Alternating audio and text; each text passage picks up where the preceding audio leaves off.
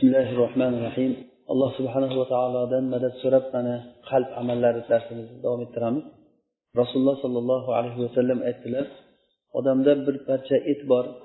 Agarda o'sha isloh bo'lsa hamma joyi isloh bo'ladi. Agarda u buzilsa hamma joyi buziladi. U qalb dedilar alloh subhanahu va taolo aytadiki qiyomat kunida na moli dunyo na bola chaqalar hech kim foyda bermaydi. Illo kimki allohga salomat qalb bilan borgan bo'lsa ana o'sha odamga o'sha salomat qalbi foyda beradi. Bizni eng muhim narsamiz qalbimizni isloh qilishlik. Mana shu qalbimiz isloh bo'layotgan bo'lsa butun a'zoyi badan hamma joy isloh bo'ladi. Bizni hayotimiz isloh bo'ladi. Jamiyat isloh bo'ladi. Agar qalb buzilayotgan bo'lsa hamma joy buziladi. Demak birinchi o'rinda biz qalbni isloh qilishlikka harakat qilishligimiz kerak ekan. Bugungi o'tadigan mavzuimiz alloh subhanahu va taologa chiroyli gumon qilishlik. Billah. Bu narsa o'zi qalblarni eng katta ofati robbisiga yomon gumon qilishligi bo'ladi. Asosiy narsalardan biri hisoblanadi bu narsa. Bu narsa qalblarda johiliyatni rukunlaridan hisoblanadi. Alloh taologa yomon gumon qilishlik. Johiliyat amallarini rukunlari to'rtta deyiladi. Ya'ni ulamolar buni mulahhas qilib to'rtta deganlar. Shulardan biri mana shu olloh subhanahu va taologa yomon gumon qilishlik deyiladi. Biri moida surasida kelgan.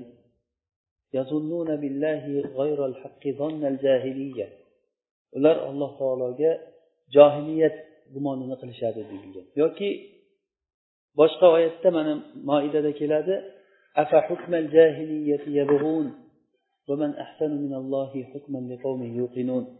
Ikkinchisi hukmul jahiliya bu johiliyat hukmi uchinchisi tabarrujul jahiliya bu ahzob surasida keladi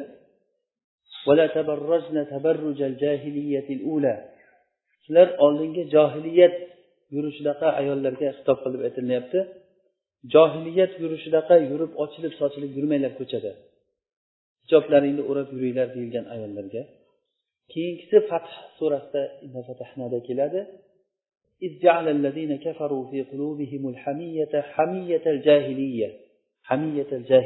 Ular kofirlar qalblarida johiliyat hamiyatini qilishdi. Ya'ni hamiya degani bu asabiyat. Ya'ni odam ich iç ichidan o'sha islomiy hukmni xohlamasdan olloh va rasulini hukmini xohlamasdan johiliyat hukmini xohlashlik bo'ladi. Biz agar bunga e'tibor berayotgan bo'lsak shu to'rtta narsa johiliyat asrini rukunlari hisoblanadi bu yerda bizda johiliyat davri ya'ni johiliyat davri nima? Rasululloh sollallohu alayhi vasallam payg'ambar bo'lib chiqishliklaridan oldingi jamiyat johiliyat davri bo'lgan u paytda kitobi sunnat degan narsa bo'lmagan. Odamlar u yoqdan bu yoqdan eshitib qolgan ahli kitoblardan eshitib qolgan oldingi payg'ambarlarni bir qoldiqlari sifatidagi bir narsalar bor edi. Odamlar esa karamni saxiylikni yaxshi ko'rishlik yolg'onni yomon ko'rishlik zinoni yomon ko'rishlikka o'xshagan fitratdan kelib chiqqan narsalar bor edi. Lekin ularda bir hukm qiladigan shariat ularni qo'lidan ushlab to'g'irlaydigan bir vahiy yo'q edi. Mana shu payt johiliyat asri deyiladi. Rasululloh sollallohu alayhi vasallam yuborishliklar yuborilishliklari bilan vahiy quyoshi chiqqandan keyin odamlarga butun qur'oni sunnani nuri tarqaldi. O'lik qalblar tirildi. Demak johiliyat payti rasululloh sollallohu alayhi vasallam yuborilishligi bilan johiliyat tugadi degani. Rasululloh yuborilishligi bilan islom hukmi boshlandi hisob. Ozroq vaqt bu o'n uch yil davomida makkada rasululloh da'vat qilib turdilar. Rasululloh sollallohu alayhi vasallam madinaga o'tishliklari bilan islomiy hukm islomiy hayot boshlandi insonlarni qalbida va jamiyatda butun odamlar muomalasida hukmda hamma narsada to'liq yuz foiz olloh va rasulini hukmi yuradigan bo'ldi.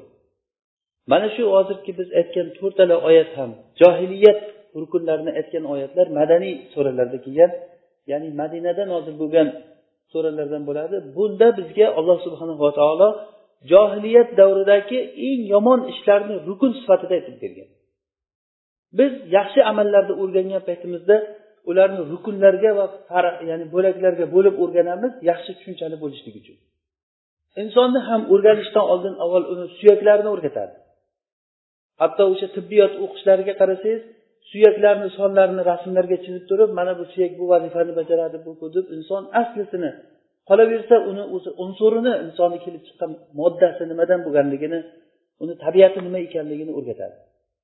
Biz haq va botilni o'rgangan paytimizda uni rukunlarini va uni asosiy bo'lgan narsalarini o'rganmasak uni biz yaxshi tushunib yetib u narsadan saqlana olmaymiz. Mana shu johiliyatni rukunlaridan to'rtta narsani alloh subhanava taolo qur'onda sanagan. Shu to'rtalasi johiliyat uchun rukun hisoblanadi. Ya'ni johiliyat asri shu to'rtta narsani xuddiki bir stol desangiz stol to'rtta oyog'i bo'lganday to'rtta oyoqni ustida turadi. Agar e'tibor berayotgan bo'lsak agar stolni bitta oyog'i bo'lmasa ham bu yiqiladi. Ya'ni bo'ladi lekin to'liq stol bo'lmaydi. Bir eplashtirib tursa o'tirsa bo'ladi lekin uni stolligi qolmaydi ko'chaga olib chiqib tashlasa hech kim olmaydi uni. Ana shunday johiliyat asrini to'rtta rukuni bo'ldi. Shulardan biri alloh subhanava taologa yomon gumon qilishlik. Ular olloh subhanahu va taologa o'zlarini yaratgan robbilariga yomon gumon qilishadi degan. Ollohga yomon gumon qilishlikdan boshqa gunohlar kelib chiqadi. Bizda hozir aytib o'tganimiz johiliyat asrini rukunlari bor ekan to'rtta ekan bu. Va bu yerda masailul jahiliya bor ahkamul jahiliya bor. Odamlar o'z farzandlarini tiriklay qizlarni olib borib ko'mishligi kabani yalang'och tavof qilishligi va ayollarga umuman merosdan hech narsa bermasligi xotin qizlarni umuman odam hisobida ko'rmasligi. Agar agar bir ayolni eri o'lib qolsa qolgan ayol katta o'g'liga meros bo'lib qolar edi. Xohlasa o'zi nikohlanardi xohlasa uni erga berardi xohlamasa yo'q desa o'sha joyda turaverardi ayol. Bunga o'xshagan narsalar bu masailul jahiliya deyiladi. Ya'ni johiliyat davridagi masalalar bular. Bular har qancha bizga munkar bo'lib ko'ringan bilan lekin bular bitta bitta bitta masaladagi narsalar bo'lgan. Masalan kishi o'zini qizini borib ko'mishligi bu rukun bo'lmagan johiliyatda shuning uchun ham uni johiliyat davridagi hamma odam qilmagan bu ishni. Ba'zilari bu ishlardan qaytargan hattoki ko'miladigan qizlarni qutqarib qolganlari qancha. Borib shuni bo'ldi sen ko'mmagin meni qizim bo'ladi senga endi ishi yo'q o'zim buni katta qilaman o'zim turmushga beraman deb olib qolgan kishilar bo'lgan. Johiliyat paytida bo'lgan bu narsa. Demak bu qizlarni ko'mishlik yoki kabani yalang'och tavof qilishlikka o'xshagan munkar ishlar yoki nikohni to'rt xil turi bo'lgan ko'p erkaklar yig'ilib turib bitta ayolga borib turib qo'shilgan o'sha ayol agar homilador bo'lib qolsa homilador bo'lib qolsa haligi erkaklarni hammasini chaqirar ekan. Haligi erkaklardan hech kim haqqi yo'q ekan bosh tortishlikka. Iloji yo'q bor ekan chaqirilgan paytda. O'zlariga yarasha qonuni ham bo'lganda o'sha johiliyatda bosh tortishga haqqi yo'q. Kelgandan keyin keyin haligi ayol mani sizlar qilgan ishlaringdan bola tug'ildi. Shu bola seniki ey falonchi deb bittani aytayotgan o'zi xohlagan bittasini. Shu paytda boyagi odam inkor qilishlikka haqqi bo'lmas ekan.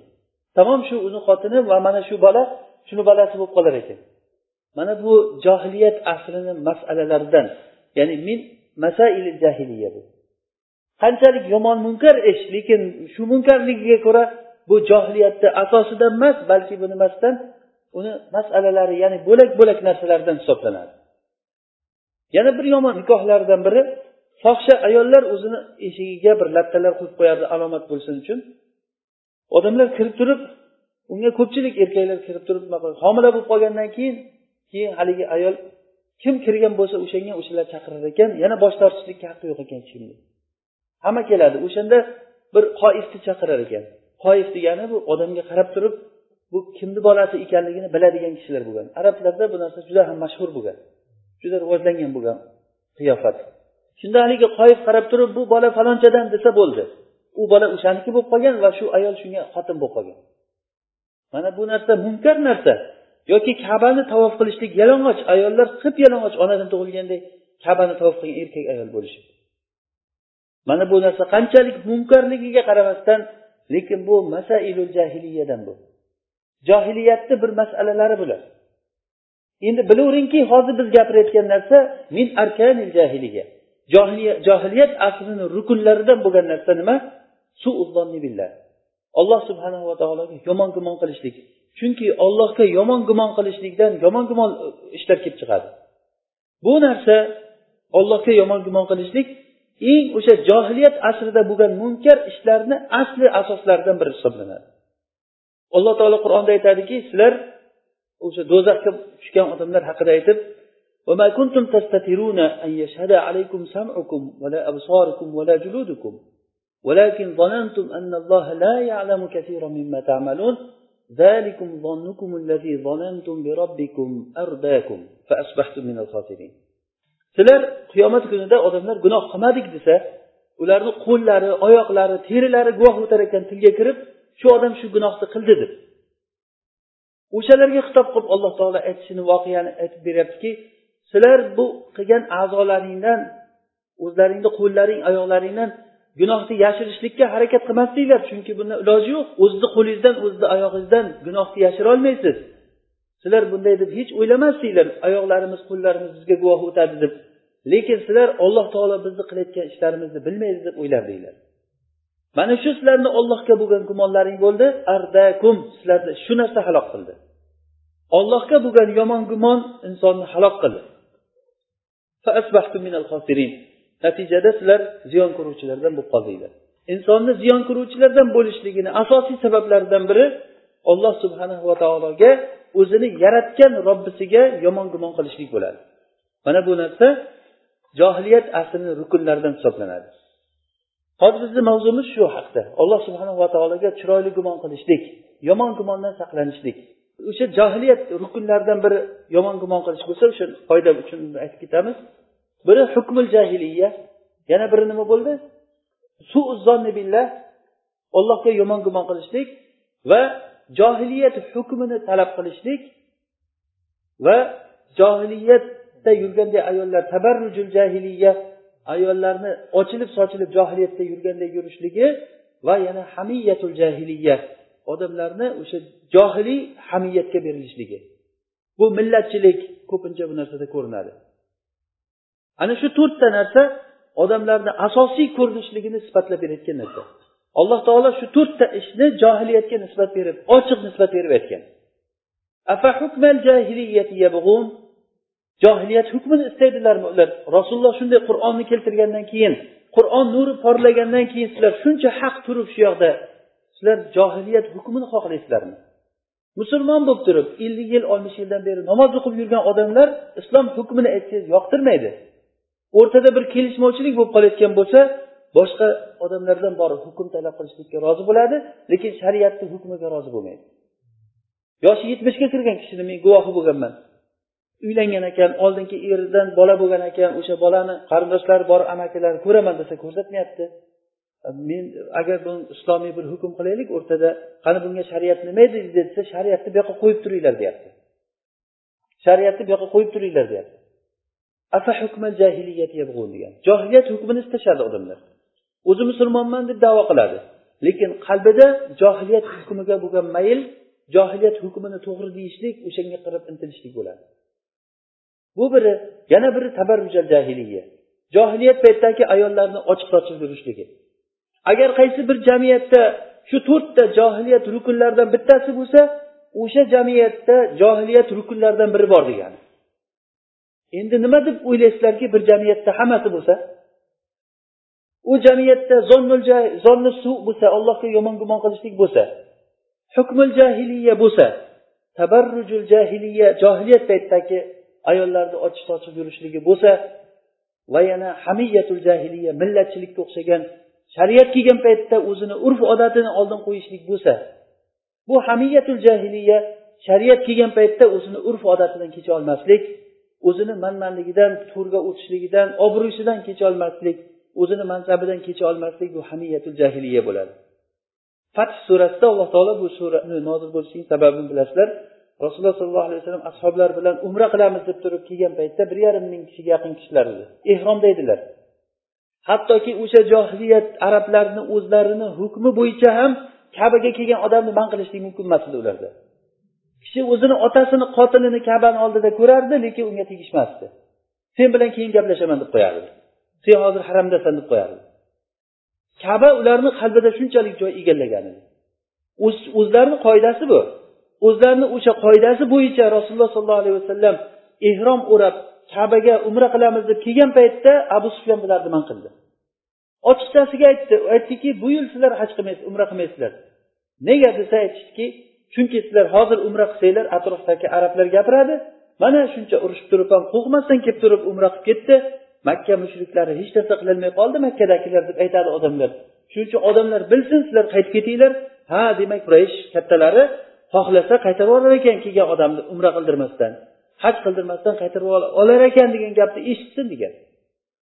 Ana shu uchun shu yil qaytib ketasizlar. Bo'lmasa bizga ziyoni yo'q hozir sizlar umra qilib ketishlaringizga mana bu narsa xuddi shu gapda oyat tushdi.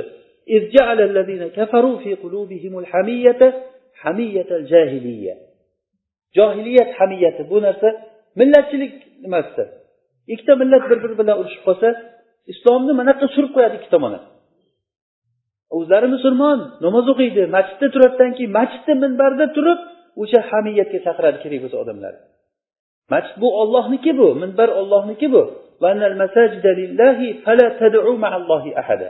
Masjidlar ollohniki bu bu yerda turib boshqa gapni gapirmanglar. Olloh va rasulini hukmidan boshqa narsaga gapirilishligi mumkin emas. Agar kimda kim boshqa narsaga chaqirsa o'sha minbarga shu joyga xiyonat qilgan bo'ladi odam. Alloh taolo qur'onda aytgan masjidlar ollohniki ollohni uyi ollohni uyida faqat ollohni hukmi gapiriladi ollohga chaqiriladi u yerda hattoki yo'qolgan narsasi e'lon qilinmaydi minbarda turib. Minbarda mikrofonni olib palonchani telefoni yo'qolib qolibdi ekan kim ko'rgan bo'lsa aytsin topsa olib kelsin deyishlik mumkin emas u yerda. Xosatan bir kishi o'ziga duo qilishligi mumkin emas. Alloh taolo meni mag'firat qilsin meni gunohlarimni kechirsin deyishligi mumkin emas. U yer jamoatni joyi. Minbarda turgan holatda jamoaviy duo qilishlik kerak. Bizni kechir bizni gunohlarimizni kechir deyish kerak. O'shanday qilmasa bu minbardan shaxsiy manfaatda foydalangan bo'ladi. Odamlar minbarga chiqib olib turib hamiyatul jahiliyaga o'zini shaxsiy manfaatiga chaqiradi o'sha yerda. O'sha yerda turib turib odam yig'ishlikka harakat qiladi. O'sha yerda turib turib odamlarni o'rtasini fitna qilib buzishlikka harakat qiladi. Mana bu narsa hamiyatul jahiliya bo'ladi. Shu to'rtta narsa johiliyat rukunlaridan birinchisi nima ekan? Ollohga yomon gumon qilishlik. Ikkinchisi johiliyat hukmi hukmal jahiliyat yabg'un shariat manoda qolib turib johiliyatni hukmi bilan hukm qilishadimi deb alloh subhanava taolo bu fitratga javobi o'zi bilan bo'lgan savol bu. Hukmal jahiliyat yabg'un shuncha narsani ko'ra bila turib sizlarni shu zulmatdan nurga olib chiqib qur'on kelib ishlaringda payg'ambar gapirib turgan holatda sizlar shu johiliyat hukmini xohlaysizlarmi? Tayyor qur'on sunna qo'llaringda turib mana boshqa odamlar o'ylab topgan qonunlarni olasizlarmi sizlar? Uchinchisi tabarrujal jahiliya. Oldingi johiliyat paytidagi ochilib yurishdaysizlar ochilib sochilib yurmanglar deb ayollarga aytilgan. Ayollar jamiyatni katta o'rnini egallaydigan holatda ular. Ayol qachoniki ko'chaga chiqdi jamiyat buzildi. Yana chiqib ham tamom ustidagi narsalarni yechib tashlab qarab bo'lmaydigan holatda ko'chada yurgandan keyin bu jamiyat o'zi johiliyat jamiyati ko'rinishini egallab qoladi. O'z o'zidan jamiyatda shunday qarasangiz o'zi agar bir sahobiy hozir tirilib ketsa bizni jamiyatimizni shunday ko'rsa qanday qilib yuradi odamlarni ichida to'rtinchisi oxirgisi nima? Hamiyatul jahiliya. Bu hamiyat deganligi o'sha asabiyat ma'nosida o'sha johiliyatdan kelib chiqib o'zini qavmiyatchiligini o'zini urf odatini o'zini mansabini o'zini ota bobolarini qilgan ishlarini islomdan oldinga qo'yishlik. To'g'ri bilaman bu islomni hukmi bu juda ham yaxshi hukm lekin men buni qilayotgan bo'lsam odamlar nima deydi deb gapiradi. Odamlar nima deydi deb aytadi. Mana bu narsa johiliyatni rukunlaridan. Alloh subhanahu va taologa chiroyli gumon qilishlik ollohni tanishlikdan kelib chiqadi.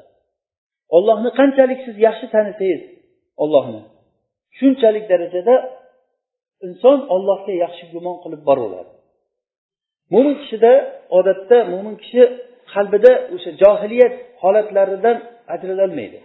Kam juda ajralishlik. Hattoki abu zar man huva abu zar. Abu zardek kishiga rasululloh sollallohu alayhi vasallam aytganlar. Senda johiliyat bor odam ekansan degan. Buni aytilish sababi bilol roziyallohu anhu bilan ikkalasi urushib qolgan paytda bilolni so'kkan sen qorani bolasisan degan.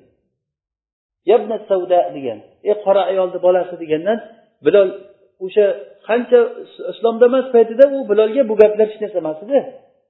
U bilan qancha orqasiga jalda urilgan qancha kalta yegan qul edi odam hisobidagi odam emas edi. Islom kelgandan keyin u kishi mana shu ibn savda degan gapi johiliyat davosi bo'lganligidan bu, bu gapni ko'tarolmadi. Rasulullohga borib shikoyat qilganda rasululloh abu zarga qarab sen buni onasi bilan haqoratladingmi? degan. Agar bir kishi bilan urushib qolsangiz uni onasi bilan yoki otasi bilan yoki uni kelib chiqish avlodlari bilan qarindoshlari bilan uni ayblashligi bu johiliyat ayblashligidan bo'ladi bu. Bu masailul jahiliyaga kiradi. Johiliyat ishlaridan shuning uchun rasululloh aytdilarki senda johiliyat bor odam odam ekansan degan. Ey rasululloh islomda shuncha yoshim katta bo'lib turib menda johiliyat bo'ladimi? degan. Islomda shuncha yoshim ala kibari fil islom men islomda shuncha yoshim katta bo'lib turib menda johiliyat bo'ladimi deb qattiq xafa bo'lganlar bu kishi. Demak har bir odam o'ziga agar odam ajralolmaydi johiliyat ishlaridan bilasiz bir narsani munkar ekanligini lekin o'shani qilaverasiz bilasiz u narsani yomonligini o'shani qilib qo'yasiz. Lekin mo'min odam agarda bir yomon yo'lga o'tsa u eslatsa eslash kerak.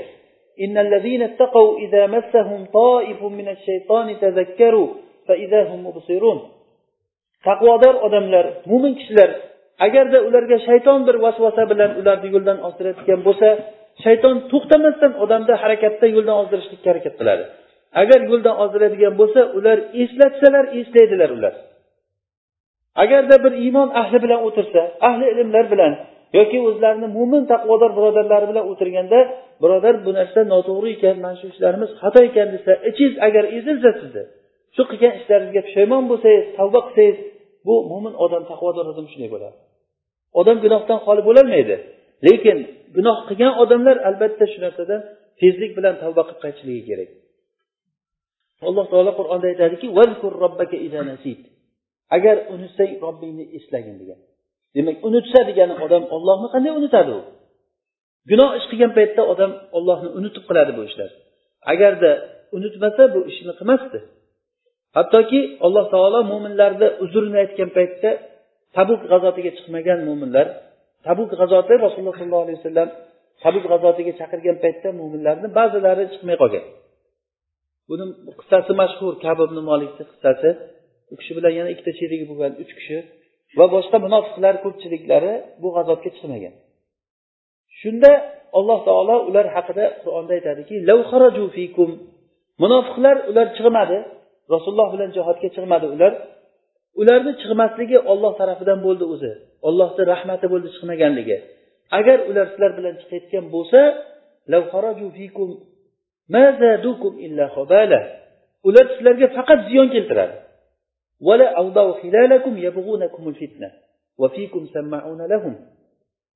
U sizlarni ishlaringda har xil gaplar qilib mish mishlar tarqatib sizlarni ishlaringni buzishga harakat qiladi ishlaringda ularga quloq soluvchilar bor degan. Bu yerda muammo jamiyatni ichida odamlarni buzuvchi fitna tarqatuvchi yomonlikka xizmat qiluvchi odamdan xoli bo'lmaydi xotirjam bo'lavering jamiyat bundan xoli bo'lmaydi. Ulardan o'sha oldindan payg'ambarimiz davrida ham bo'lgan bu narsa qiyomat kunigacha bo'ladigan narsa hayot hech qachon munofiqdan yomon odamdan xoli bo'lmaydi. Lekin achinarlisi ichlaringda o'shalarga quloq soluvchilar bor degan. Mo'minlarni soddaligidan mo'minlar o'zini dinini yaxshi tushunmaganligidan xolis bo'lgan muxlis bo'lgan mo'minlar o'sha fitna chiqaruvchi odamlarga quloq solishligi. Johiliyat asabiyatiga chaqirgan paytda ollohga yomon gumon qilishlikka chaqiradi. Sen ana shu turishda ketaversang ana o'lib ketasan deydi. Bunday qilmasang kambag'al bo'lib qolasan bir narsaga zor bo'lib qolasan erta polisi qilsang nima qiladi? Xalqdan ajralasan u qilasan bu qilasan hozirdan sen namoz o'qiydigan bo'lsang unaqa bo'lib qolasan bunaqa bo'lib qolasan qiz bolalarni kampirga o'xshatib ro'mol o'rab qo'yibsizlar buni deb sizlarda mana shunaqangi fitnani tarqatuvchi buzg'unchi odamlar bor. Sizlarga quloq soluvchilar bor o'shalarga. Jamiyat ulardan xoli bo'lmaydi. Mana bu odamlar munofiqlar odamlarni ollohni rahmatidan noumid qiluvchi odamlar bor. Bular aynan mo'minlarni qalbida yomon gumon qilishlikni odamlarga keltirib chiqarishlikka harakat qiladi mo'min kishini odati sabablarga suyanishlik bo'lmaydi. Buni biz oldin ham ko'p takror aytgan edik biz ollohga gumonimizni yaxshi qilamiz. Alloh taolo mo'minlarga yordam beraman degan va'dasi bor. Shu va'dasiga ishonamizmi ishonmaymizmi? Biz payg'ambarlarimizga va iymonli odamlarga albatta yordam beramiz degan. Lanansuru deb nomi ta'kid bilan aytgan albatta yordam beramiz degan. Agar alloh taolo xohlasa kofirlarni hammasini iymonga kirgizib qo'yishlikka qodirmi qodir emasmi? Qodir. Agar olloh xohlasa mo'minlarga quvvat berib kofirlarni tamomiy zaif qilib mo'minlarni qo'liga qul qilib tushirib qo'yishlikka qodirmi qodir emasmi? O'sha paytda mana badr g'azotiga chiqqan paytda kofirlarni shavkatini ko'ring mo'minlarni kuchini ko'ring. Nisbat umuman to'g'ri kelmasdi. Kim g'olib bo'ldi? Musulmonlar g'olib bo'ldi. Alloh taolo farishtalarni tushirdi urushga. Agarda kofirlar bilan yo'liqqan paytingizda bitta farishta tushsa agar urushga o'sha farishta agar urushsa kim g'olib bo'ladi? Farishta g'olib bo'ladimi? Farishtani kuchiga kim teng kela shunday yerda ko'tarib turib shunday chapparib qo'yaveradi. Lut alayhissalomni qavmi munkar ishni qilgan paytda alloh taolo jibrilni jo'natdi. Jibril shunday kelib qanoti bilan qishloqni shunday ko'tarib osmonga olib chiqdi. O'shanda farishtalar kuchlar kuchuklarni hurganligini xo'rozlarni qichqirganligini eshitgan ekan. Shunday ko'tarib turib chapparib yerga qarab urgan. Bitta qanoti bilan shunday ko'tarib urishlik bu odamlarni nima kuchi bor u narsaga? Qaysi kuch ulardan man qila oladi? Alloh taolo juda ham quvvatli zot. Ollohga gumonlaringni yaxshi qilinglar alloh taolo albatta yordam beradi. Olloh hech qachon mo'minlarni yordamsiz tashlab qo'ymaydi. Lekin bilinglarki alloh taolo sinaydi odamlarni olloh shu uchun yaratdi bizni. Kambag'alchilik bilan boylik bilan faqirlik bilan bola chaqani o'lishligi bilan o'zingizni qiynalishligingiz bilan har xil holatlarda sinalasiz qani o'sha sinalgan paytda siz qanday yo'l tutasiz? Shuni bilishlik uchun alloh taolo odamlarga har xil fitnalarni har xil qiyinchiliklarni keltiradi. Bunda biz albatta allohga gumonimizni chiroyli qilishligimiz kerak. Ollohga gumonni yomon qilishlikdan odamlar o'sha qiynalgan paytda ollohni nusrati bormi yo'qmi o'zi devordi bu rasul olloh deyordi olloh va rasuli sizlarga faqat yolg'onni g'ururni keltirib yuradi dedi faqat shu va'dalarni beradi puch va'dalar hammasi. Hech qaysi bo'lmagan gap bular deb turib hattoki islomni tuvidan bolta urishlikka harakat qiladi bu islom degan narsalaring oltinchi asrlarda chiqib qolgan bir arablardan kelgan bizga bir madaniyat bu qanday bir o'shalarni madaniyati.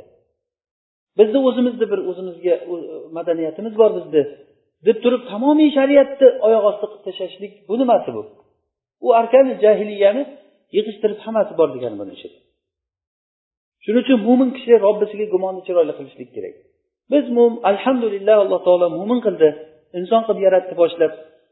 Insonlarni ichida sizga aql berib qo'ydi aqllilarni ichida sizga iymon berdi. Iymonlilarni ichida ahli sunna va jamoat yo'liga o'zi yo'lladi. Va shu yo'llanganlarni ichida har kuni sizga islomiy bir narsalarni o'qib ta'lim olishlikni alloh taolo nasib qilgan ekan. Bu narsa ollohni juda ham katta fazli. Alloh taolo hech qachon mo'min kishilarni yordamsiz tashlab qo'ymaydi inshaalloh.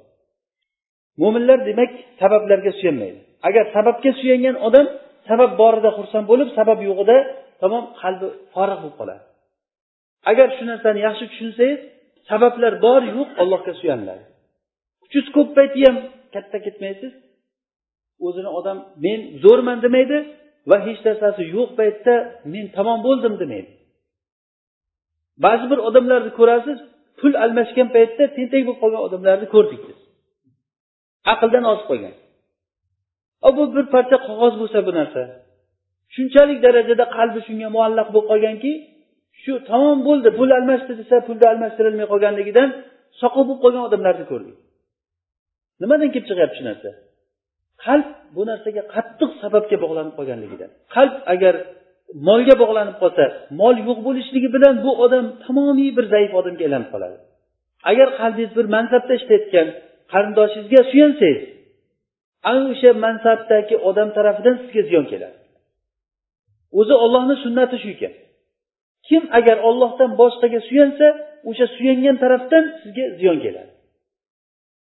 Bu narsani tekshirib ko'ravering. Puliga suyangan odamlarni ofati pulidan keladi. Qarindoshiga katta ishda ishlayotgan mansabdorlarga suyangan odamlarni ziyoni o'sha tomondan keladi. Va hokazo kim ollohdan boshqaga suyandimi albatta o'sha ziyon shu tarafdan kelaveradi. Rasululloh sollallohu alayhi vasallam aytdilar innal nasiyan idza zukira zukir. Mo'min kishi fitnalarga uchraydigan qilib yaratilgan. Mufattana degani sizlarga sizga fitna kelaveradi. Boylikni fitnasi keladi kambag'alchilikni fitnasi keladi. Bu insonni qalbiga kelaveradi odam fitnaga moyil bo'luvchi qilib yaratilgan. Lekin shu bilan birga tavvaban tavba qiluvchi qilib yaratilgan. Agar sizga bir fitna kelgan paytda albatta tavba qilib allohga qaytsangiz alloh taolo tavbangizni qabul qiladi. Agarda eslatilinsa tavvaban zakar. Agarda eslatilinsa u eslaydi ey sen mo'minsan seni dining bor musulmon kishisan seni robbing bor deb eslatilinsa bu odam eslaydi mo'min kishi mana shunday yaratilgan lekin alloh taolo bag'ritosh bo'lib qolgan. Eslatilingan paytda eslamaydigan odamlardan qilib qo'ymasin. Inson doim ollohdan hidoyatni so'rab yurishligi ham shundan mustaqim biz mustaqim bo'lgan to'g'ri yo'lni so'rab yuramiz odam adashgan paytda agar eslatilinsa tamom birdan yo'liga qaytishligi uchun. Rasululloh sollallohu alayhi vasallam minbarda turib aytdilar ibn barni hadisidan degan ekanlar. Gapni aqma degani arab tilida bizni o'zbekchaga tarjimasi varanka bo'ladi. Varankani hammamiz? karnay varanka deylik varankani bilasizlar. Bu yoqdan tushib pastdan tushib ketadi. Aqmaul qavl degani gap bu qulog'idan kirib bu qulog'idan chiqib ketayotgan varankalarga vayl bo'lsin degan ekanlar. Vayl degani do'zaxdagi bir choq bu. Ularga do'zax bo'lsin dedilar. Gapni eshitadidan keyin yana qilayotgan ishda davom etuvchi odamlar degan. Bu narsa o'shalarni aqmol ya'ni ular foydalanmaydi gapdan degani. Gap qanday kelgan bo'lsa xuddi varanka o'ziga nimani olib qoladi? Uni ichiga sut quysangiz ham suv quysangiz ham uni ichiga asal quysangiz ham hech narsa qolmaydi. O'zidan o'tkazib yuboraveradi hal qilib. Hamma narsa o'tib ketaveradi. Ana shu insonni qulog'i ham o'shanday bo'lib qolmasligi kerak. O'shanday bo'lib qolgan odamlarga vayl bo'lsin dedilar ibn umarni hadisida. Rasululloh sallallohu alayhi vasallam aytdilarki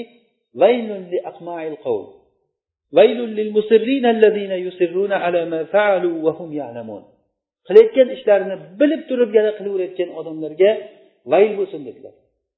Gunohligini bilasiz. Ko'rayotgan narsalar eshitayotgan narsalaringizni gapirayotgan gapingizni gunohligini bilasiz lekin o'shani bilib turib ham qilaveradigan odamlarga vayl bo'lsin dedilar. Inson yana takror aytamiz fitnaga uchadigan gunohga moyil bo'ladigan qilib yaratilingan agarda mo'min odamlar taqvodor odamlar agar eslatilinsa eslaydilar va qaytadilar alloh taolo qaytadigan insonlardan qilsin o'tgan gunohlarimizni hammasini kechirsin. Bundan keyingi hayotimizni kitobi sunnaga muvofiq yashashlikni alloh taolo o'zi nasib qilsin. Yana bir johiliyatda allohga yomon gumon qilishlikni turlaridan biri shumlanishlik bo'ladi. Johiliyat paytida shumlanish deb shuni aytilardiki bir kishi bir safar qilmoqchi bo'lsa qushni qo'liga olardidan keyin masalan siz yaman tarafga qarab sayr qilmoqchisiz yaman bu yoqda. O'sha qushni shuni osmonga uchirgan paytda agar yaman tarafga qarab uchsa ha demak ishim ochiq bo'lar ekan deb safar qilar edi agar u qush chig'ib bu yoqqa qarab uchsa safar qilmasdi. Yo'q ishim yurishmas ekan mana buni oti arab tilida tatoyur deyiladi. Tatoyur o'zi toyrundan chiqqan toyrun qush degani. Tatoyur degani qush uchirish degani. Ya'ni biz buni polot deymiz har bir odamni qalbida bor ekan bu narsa. Illa degan ekanlar rasululloh sallallohu alayhi vasallam. Birorta odam yo'qki illa o'shanda bir shumlanishlikdan bir hissa bor. Rasululloh aytdilarki bizlardan biror bir odam yo'qki illo o'shanda shumlanishlikdan bir nasiba bor lekin alloh taolo uni tavakkul bilan ketkazadi dedilar. Qalbingizdan bir shumlanish o'tdi. Shunday moshinada chiqdingiz oldingizdan shunday qora mushuk o'tib ketdi. O'sha yerdan to'xtamay yo'lingizda tavakkul qilib ketavering. U mushukni o'tishlik o'tadida endi mushuk bo'lgandan keyin. Odamni qalbida baribir o'sha joyda bir suv billah ollohga bo'lgan yomon gumondan kelib chiqayotgan narsa bu olloh yaxshilikni keltiruvchi olloh yomonlikni keltiruvchi olloh siz ollohdan boshqa sabablarni qilgan odam qalbida ollohga bo'lgan yomon gumondagi bor odam bo'ladi. O'shandan bilingki bu yomon gumon qilishlik arkanul jahiliya deganligimiz ham shundan. O'zi shirkun deganlar rasululloh sallallohu alayhi vasallam. Shumlanishlik shirk bu. Chunki bu ishlarni ollohdan boshqaga nisbat berishlik bo'ladi. O'sha qora mushuk yomonlik olib keladi yoki boyo'g'lini sayrashligi o'sha boyoqlini sayrashligi yomonlik olib keladi deyishlik u boyoqlida nima ayb bor? U qanaqangi yomonlik olib kelishlikka qodir bo'lgan narsa u? U bir maxluq. U bechorani ovozi shunday bo'lsa o'zi sayragisi kelgan joyda sayrasa yomonlikka hech ahamiyati yo'q uni. Lekin odamlarda mana shu narsanga shumlanish degan narsa bor. Rasululloh mana shu shumlanishlikni ketkazishlik uchun eng bitta yo'l nima dedilar? Tavakkul qilish dedilar. Nofi ibn jubayr ibn mutim kabil ahbordan so'ragan ekan. Nofiya ibn jubayr ibn mutim aytadilar kabil ahbor abdulloh ibn amr ibn osdan so'ragan ekan. Sen shumlanasanmi degan ekan. Hal tatoyyar hal tatoyyar degan hal tatatoyyaru degan. Sen shumlanasanmi deganda u kishi ha menga shumlanish keladi qalbimga degan ekan. O'sha shumlangan paytingda nima deysan? Desa bu kishi aytgan ekanki allohimma la toyra illa toyruk va la xayra illa xayruk ey robbim seni beda hozir toir degan ma'nosi yaxshilik va yomonlikni keltirishlik o'zingsan degani yaxshilikni yomonlikni keltiruvchi faqat o'zingsan sendan boshqa hech qanaqangi rob yo'qdir. Quvvat kuch quvvat faqat o'zingdan degan. Shunda kabil ahbor aytgan ekanki vallohi sen arablarni eng faqihisan degan ekan abdulloh ibn amrga men shuni kabil ahborni bilasizlar u kishi yahudlarni olimlaridan bo'lgan. Yahud. U kishi yahudlarni olimlaridan bo'lgan. Men tavrotda xuddi shu gapni o'qigandim degan. Shumlanadi har bir odam lekin o'sha shumlanish deganda qalbga bir yomonlik kelish. Ba'zilar xotindan shumlanadi ba'zilar hovlidan ba'zilar markabidan minib yurgan ulovidan buxoriyda hadisda kelgan rasululloh aytdilarki agar shumlanish bo'lsa ham uchta narsada bo'ladi deganlar. Xotinda hovlida va markabda degan. Buni tafsiri ancha muncha odamni ishkalga holatga tushirib qo'yadi. Qanday tushunamiz bu hadisni? Rasululloh aytganlarki shumlanish yo'q dedilar. Shumlanish yo'q deb nafiy qildilar. Hozir buxoriydagi hadisda shumlanish bo'lsa ham shu uchta narsada bo'ladi dedilar. Bu narsa odamlarni ko'p holatda uchraydigan holat. Odamlarni holatidagi yomonlikni kutilayotgan narsalar mana shu uchta narsada bo'ladi. Shu narsa bo'layotgan bo'lsa agar amal bobidan bu narsa siz tavakkul qilib yo'lingizda ketavering. Hech qachon sizni bu narsa yomonlikdan yaxshilikdan to'xtatib qo'ymasin. Masalan ishim rivojlanmayapti shu uchun men xotinimni taloq qilayinmi? Deb ba'zilar shu hadisdan tushunib turib yoki hovlingizga bir hovlingizga kirsangiz hech ishingiz rivojlanmayapti. Shu hovlini sotib yuborish kerakmi? Yoki bir markabni oldingiz shu markabni olganingizdan beri ishingiz hech rivojlanmayapti. Shuni sotib yuborish kerakmi yoki tavakkul qilib ketaverish kerakmi? Ikkovsi ham to'g'ri. Sotib yuborsangiz qutulasiz shumlanishdan boshqasi boshqasidan. Agar tavakkal qilib ketaversangiz allohga tavakkal qilib yana bu afzal bu narsa. Rasululloh bir hadisda aytdilar yuqish yo'q deganlar. Yuqish yo'q dedilar. Boshqa hadisda agarda moxov kishini ko'rsang sherdan qochganday qoch dedilar. A yuqish yo'q bo'layotgan bo'lsa sherdan qochib nima qilaman? E, Moxovdan qochib nima qilaman? Rasulullohni o'zlari bir moxov kishini olib kelib qo'lidan ushlab olib kelib o'tir deb tovoqda bitta tovoqda birga ovqat yeganlar. La quvvata illa billah zarar foyda hammasi ollohdan keladi. Bismillah olaver degan. Holid ibn valid bir joyga borganda bir qishloqqa ehtiyot bo'ling ey amir bu qishloq ahli juda ham makkor deyishadi. Sizga zahar berishi mumkin desa olib kel o'sha zaharni deb turib olib kelganda bismillah deb yuborgan ekan zaharni hech narsa qilmagan. Ollohga bo'lgan odamni qalbidagi ollohga bo'lgan ishonch ollohga bo'lgan yaxshi gumon olloh meni asraydi degan yaxshi gumon hech qachon asl o'zi shu o'zi asl shu. Lekin odamni ichida rasululloh aytdilarku bizdan birorta odam yo'qki illa shumlanish qalbingizda bo'laveradimi? Shu shumlanishni ketkazishlik uchun o'sha narsadan qutuling. Tushunarlimi demak bu narsa shumlanishlik o'zi qalbda bor bo'lgan narsa.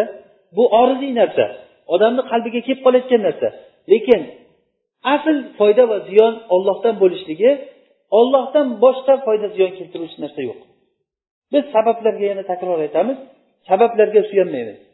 Sabab kuchli bo'ldi degani siz quvvatli bo'ldingiz degani emas sabab yo'q bo'ldi degani tamom bo'ldingiz degani emas bu. Lekin biz bu sabablarni qilamiz olloh buyurganligi uchun qilamiz bu narsani. Lekin o'shanda ham qalbimiz ollohga muallaq bo'lishi kerakki ollohni xohlagani bo'ladi boshqa narsa bo'lmaydi deyish kerak. Olloh xohlagan narsa bo'ladi xohlamagan narsa bo'lmaydi. La quvvat la havla va la quvvata illa billah deb yuramiz. Rasululloh aytdilarki mana shu kalima la havla va la quvvata illa billah min kunuzil jannat deganlar. Jannat konlaridan degan.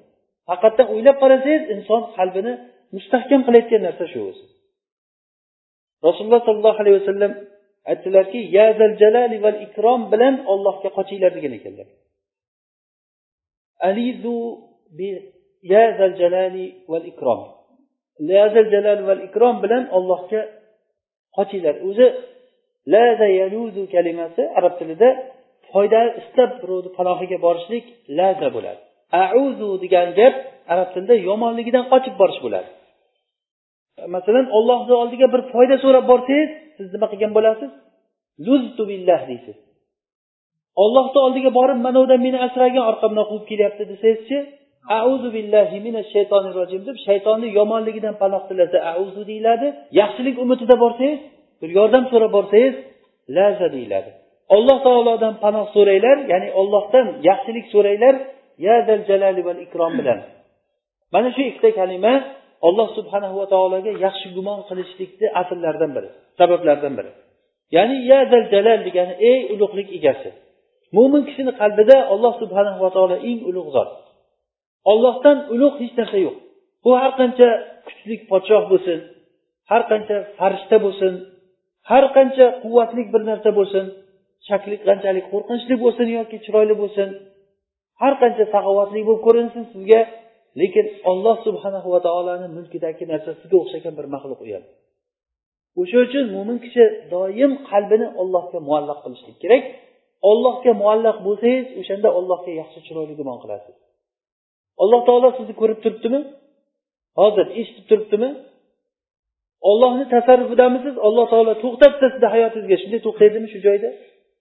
Mana shu sizni gumoningiz bo'lsin. Mana shu gumon bilan allohga yo'liqing. Agar shu gumon agar bizda bo'lmay boshqacha gumon kelib qolayotgan bo'lsa tamom bo'ldi degani. O'sha suuzzonni billah ollohga bo'lgan yomon gumon olloh menga yordam bermay qo'ygan alloh taolo duomni ijobat qilmaydi deb. Bir kishi haqida aytganidek o'zi yoshi sakson yoshga kirgan paytda yaxshi ko'rgan nevarasi dunyodan o'tib qolganda u kishi odamlarga aytib yurar ekan ollohga duo qilmanglar ijobat qilmay ekan baribir. Foydasi yo'q duo qilmanglar der ekan. Mana bu narsa o'sha qalbidagi ollohga bo'lgan yomon gumondan kelib chiqadi alloh taolo menga yordam bermaydi yoki gunoh ish qiladidan keyin gunohimni kechirmaydi olloh deydi. Olloh meni gunohimni kechirmaydi deb gumon qilishligi. Duo qiladida duomni ijobat qilmaydi deb gumon qilishligi. Olloh menga yordam bermaydi deb gumon qilishligiz boylik so'rab turib olloh meni boy qilmaydi menga qaramaydi olloh deb gumon qilishligingiz bu robbingizga bo'lgan yomon gumon bo'ladi. Mana shu narsadan saqlanishligimiz kerak doim qalbingiz ochiq bo'lsin ollohni taning ollohni yaxshi ko'ring alloh taologa suyaning har qanday holatda. Agar so'rasang ollohdan so'ra agar yordam so'rasang ollohdan yordam so'ra. Bilginki agar ummat senga jamlansa ziyon beraman deb olloh xohlagan yomonlikni beradi boshqa narsa qilolmaydi agar senga foyda beraman deb turib hamma odam yig'ilsa ham olloh xohlagan foydani beradi boshqa narsani berolmaydi xotirjam bo'laver. Demak biz suyanadigan narsamiz faqat olloh bo'lsin. La havla va la quvvata illa billah. Kana va ma lam yasha lam yakun. Ana shu narsa qalbingizga o'tirsa bu odam xotirjam mo'min bo'ladi. Ana o'shanda siz ibodatingizda halovat topasiz yurganingizda bir mo'min odamga o'xshab yurasiz o'shanda. Biz hozirgi bugungi mavzumiz shu asosiy mag'zi shu. Ya jalali val ikromni ma'nosini tushunishlik bo'ladi. Ollohni zul jalal ekanligini tushunishligi alloh taolo ya'ni jalal degani bu ulug'lik degani. Olloh butun ulug'likni egasi olloh ollohdan boshqa har qancha kuchli odamlar ham yana ayta takror bu sizga o'xshagan maxluq ular. Olloh yaratgan ollohni mulkidagi ollohni tasarrufidagi bir narsalar bo'ladi. Siz olloh qolib boshqa narsaga qarab so'rab ketishingiz ollohga bo'lgan yomon gumon ollohga bo'lgan suul adab bo'ladi bu narsa. Va ikrom alloh taolo karam egasi. Karam degani bu saxovat degani. Arab tilida saxovat juda ham arablarda umuman olganda inson fitratida o'zi saxovat bu maqtalingan narsa bo'ladi. Saxovatni tarifi shuki man kasura وسهل خيره على الناس بلا انقطاع. Ya'ni odamlarga yaxshiligi ko'p bo'lgan va yengil bo'lgan va tugamay yaxshilik qilgan odamni saxiy der ekan arablar. Shu narsa saxovatni tarifi. Shunday bo'lgan odam saxiy deyiladi. Ya'ni saxiy deb kimni aytamiz ekan? Yaxshiligi ko'p va yengil va tugamaydigan mana shu narsa komil ko'rinishda ollohdan boshqadan topolmaysiz shu narsani. Ya'ni yaxshilikdek. Shuning uchun ham arablar tuyani agar ko'p sut berayotgan bo'lsa bitta bola tuqqandan keyin ikkinchi bolasini tuqquncha sut bersa bizda shunaqa sigirlar bo'lardi tuqquncha sut beradi. Ba'zi sigirlar bor suti tugab qoladi. Homilador bo'lgandan keyin sut tugab qoladi. Bir uch to'rt oy yaxshi sut beradidan keyin keyin yaxshi sut bermay qo'yadi. Tuyalar ham xuddi shunday bo'lar ekan. Endi o'sha tuyani agar bu tuqqandan narigi tuqquncha sut bersa suti kamaymasa o'sha tuyani naqatun karima deb atar ekan arablar. Ya'ni bu saxiy tuya degani yoki mag'zi ichidan yaxshi to'liq chiqqan yong'oqni javzatun karima deb aytar ekan. Ya'ni pishi bo'lib turib uyoq bu yoqlari bo'shab yotgani yo'q. Yong'oqni shunday ochsangiz ichi to'la mag'izi to'la bo'layotgan bo'lsa javzatun javza degani arab tilida yong'oq degani. Javzatun karima deyiladi. Demak karim degani karim degani. Yaxshiligi ko'p to'la xuddiki tuyani suti to'laday va yaxshiligi hech oson va bir xil sigirlar bor soqsangiz yelinidan sut chiqishi juda qiyin bo'ladi. Demak yaxshiligi oson kelishi kerak karim bo'lishligi uchun. Biz agar alloh subhanava taoloni karam sifatini saxiylik sifatini bilsak albatta allohga yaxshi gumon qilamiz. Insonda shunaqa inson shunaqangi bir haligi bir narsaga beriluvchan umidvor banda qilib yaratilgan ekan. Rasululloh aytdilarki asdaqul asmai haris va hammam deganlar. Ismlarni eng yaxshisi hammom degan ism. Bizdagi yuvinadigan hammom emas bu. Bu hoy havvoz bilan kichkina ho bilan. Hammam degani g'am chekuvchi degani inson g'am chekuvchi ekan. Bir kaysiz bir narsaga. Qanaqadir bir narsani ko'rib qolsangiz bir yoqmagan narsani shunga bugun kuni mana nasibdan bo'lmay yurdi deysiz. Bo'lmasa senga nima u? Inson g'am chekar ekan shunga. Inson hammam. Haris deganligi dehqon yer haydovchi inson borki shu yer boy o'zi hamma narsasi bor. Mana shu yer sotilyaptikan olib qo'ysammikan shuni nima qilasan olib dehqonchilik qilamiz deydi. O'zi inson shu yer haydashga harakat qiluvchi ekan. Shunday yaratilgan o'zi. O'sha inson eng ismlarni yaxshisi haris va hammam deganlar. Inson g'am chekadi bu narsada saxovatni uchta nimasini aytdik tarifida yaxshiligi ko'p va yaxshiligi yengil keladigan va tugamay keladigan. Ba'zi odamlarni ko'rasiz yaxshiligini mingta odamni chaqirib turib osh beradi. Mingta odamni chaqirib osh beradi lekin u o'sha uni saxiy deb o'ylamaysiz. U bir kun qiladi bu ishini ertaga qo'shnisi kelib turib bir narsa so'rab qo'shni men bunga muhtoj bo'lib qoldim bering desa o'lib qolsam yordam bermaydi. Xalqqa butun katta narsani faloncha boy deb nom olishlik uchun saxovat uchun tarqatadi. Ota diydirgan choponda onani bir kiyadigan kalishi yo'q oyog'ida bir qalinroq naskisi yo'q. Yordam qilmaydi u onaga. Lekin onasi o'lgan paytda meni qarindosh tanishlarim ko'p ming kilo osh damlamasam bo'lmaydi deb turadi. Uni ko'rgan odam buni saxovati oshib ketibdi deb o'ylaydi buni. Aslida u sahiymi u odam o'zini mansabi uchun qilyapti u narsani. A sahiy bo'lsa eng o'zini tug'ilishligiga dunyoga kelishligiga sabab bo'lgan ota onasiga qilmaydimi yaxshiligini odam? Yaxshilik bu faqat molda bo'lmaydi. Yaxshilik sizni muomalangizda. Hech bo'lmasa bir yaxshi gapingizni ham e, ayamang yuzni kulib turishligi ham yaxshilikdan bu narsa. Molingiz yoki kuchingiz bilan yordam bera olasizku bir og'ir narsa bo'lsa ko'tarib qo'yishlikka. Mana bu ham insonni karamidan saxiyligidan kelib chiqadi. Bu umuman inson borki o'zi saxiylikni yaxshi ko'radi. Agar biz olloh subhanahu va taoloni saxovatini qanchalik o'rgansak shunchalik allohga bo'lgan gumonimiz yana ham yaxshi bo'lib ketaveradi. Ollohni yaxshiligidan shunday yomon bo'lgan iblis ey olloh menga qiyomatgacha umr bergin deb so'rovdi yo'q demadi. Bu ollohni saxiyligidanmi olloh menga qiyomatgacha umr bergin desa bo'pti berdim dedi. Lekin bu degani shayton qutulib ketdi deganimi? Yo'q. Ollohni ollohga qo'l ko'targan odam qo'li quruq qaytmagan. Qaytmaydi inshaalloh. Siz mana shu gumonda bo'ling. Hech qachon mana shu qo'lingizni ko'tarib ey robbim menga shu narsani berasan desang qo'lingiz quruq qaytmaydi. Yo albatta beradi yo keyinroq bo'lsa ham beradi u narsaga. Yoki sizga shu barobaricha sizni gunohlaringizni kechiradi yoki qiyomat kuniga olib qo'yadi. Shu duoyingizni agar hozir bermasa uni qiyomat kuniga olib qo'yadi. Qiyomat kuni topgan paytingizda xursand bo'lasizki shu dunyoda sizga berib qo'ymaganligiga. Qiyomatga alloh taolo asrab olib qo'ygan ekan degan. Demak ollohni siz saxovati shunchalikki ertayu kech alloh taolo hozir osmonlar va yerni yaratgandan boshlab deng ertayu kech emas osmonlar va yerni yaratgandan boshlab xalqqa berayotgan narsasiga qarang. Yahudlar ollohni bolasi bor olloh bizga muhtoj yaxshiligimizga dedi. O'shanday bo'la turib ham ular ollohni rizqini yeb turib shunday desa olloh yana karamli zot bo'lganligidan beraverdi karam shu saxiy kishi degani yomonlik qilib tursa ham yaxshilik qilsa haqiqiy saxiylik bo'lar ekan bu ishni ollohdan boshqa hech kim qilolmaydi sizga agar bir odam yomonlik qilib doim sizni bir nervingizga o'ynab tursadan keyin pul ber desa keyin ozroq pul bergin menga desa berasizmi? Sizda bir oldingi haligi chiqmagan gaplar ham yomonlik ham sizdan chiqib ketadi. Bu inson sizda.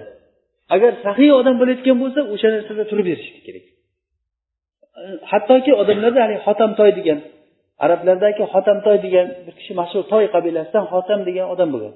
Bizgacha yetib borgan shu namunalari hotamtoy deyiladi sahiy. Undan keyin o'sha sahiy odamlar hotamtoy deb turib nom olib qolgan. Shu odamni hikoyalaridan juda ko'p kitoblarda qolib ketgan. Borgan odamlarga shu tuya so'yib berar ekan. Nima so'rasa bergan ekan. Saxovat bilan o'ta mashhur odam bo'lgan. Demak sahiy degani yaxshiligi ko'p va yaxshiligi oson va yana nima uchinchisi? Tugamaydigan yaxshilik. Bir marta qilib qo'yib ikki marta qilib qo'yib bo'ldi keyin yetadi shuncha qilganim meni. Desa demak u odam sahiy degani emas bu. Yoki qildi doimiy qilyapti lekin osonlikcha qila qo'ymaydi. Bir qiynasangiz bir qichab so'rasangiz keyin beradi. Mana bu ham qiladi doimiy qilib turadi. Lekin osonlikcha qila olmaydi. Mana bu odam ham sahiy degani emas bu. Mana shu uchta sifat jamlansa o'sha odam sahiy bo'ladi. Bu narsa komil ravishda ollohdan boshqada uni topmaysiz. Ollohni shu karami sahiyligidanki yosh bolalarga gunoh yozmadi. Yosh bolalarga gunoh yozmadida savobini yozdi. Bir kuni rasululloh sallallohu alayhi vasallam bir qavmni oldidan o'tganlarida bu qavm kim deganda ular aytishdiki biz musulmonlarmiz degan. Rasulullohni tanimas ekan ular. Man anta deb so'radilar ular. Ana rasululloh deganlar. Sollallohu alayhi vasallam. Men rasulullohman deganda bir ayol shuni bolasini ushlab ko'tarib ya rasululloh ali hada hajjun degan. Shu bolachaga haj bormi degan. Agar shu bola haj qilsa haji qabul bo'ladimi deganda qola naam valaki ajrun degan. Bu haj qilsa haj bo'ladi uni savobi senga bo'ladi degan. Agar bu ish bu bola gunoh ish qilsa gunoh yozilmaydi savob ish qilsa savob yoziladi. Yosh bolalar qur'on o'qiyapti yosh bolalar qancha namoz o'qiyapti qancha yaxshi ishlarni qilyapti buni ajr savobi ota onasiga bo'lyapti. Gunohi yozilmaydi. Bu ollohni nima karamidanmi bu? Ollohni saxovatidan bu narsa. Alloh taolo saxiy bo'lganligi uchun alloh taolo karim zot bo'lganligi uchun karim zot odamni gunohini yashirar ekan. Karim bo'lgandan keyin haligi lain bo'lgan odam birovlarni aybini titkilab doim arxiv tutib yuradi. Lekin karim bo'lsa odam ko'rgan aybini ko'rmaslik qoladi agar shunday odamni ko'rib qolsangiz hamma yaxshi ko'radi o'sha odamni. Hatto ayollar eng yaxshi ko'rgan sifatlaridan biri erlarda ko'rishlikni xohlagan sifatlari shunaqangi tag'ofil sifatini yaxshi ko'radi. Abu zarda hadisida aytganmiz buxoriydagi oysha onamiz rasulullohga aytib berganlar johiliyat paytidagi ayollardan bir o'ntasi yig'ilib turib erimizdagi bor xislatlarni hammasini aytamiz yaxshi yomonini hammasini deganda o'shanda bir ayol turib turib aytgan zavji ida dahala fahid degan. Meni erim agar uyga kirsa qoplon bo'ladi degan. Agar uydan chiqsa asad bo'ladi degan. Va ahd qilgan narsasini bo'yniga olgan narsasini so'rab o'tirmaydi degan. Va yasalu amma meni erim uyga kirsa qoplon bo'ladi qoplon degani o'sha tag'oful sifati bor ekan qoplonda. Bir narsani ko'rib ko'rmaganday bo'lib turaveradi lekin ko'rgan bo'ladi sizni ko'rgan yo'q deb o'ylaysiz lekin u ko'rgan bo'ladi ana shunaqangi haligi hamma narsani sinchiklavermaydigan erkakni ayollar yaxshi ko'radi.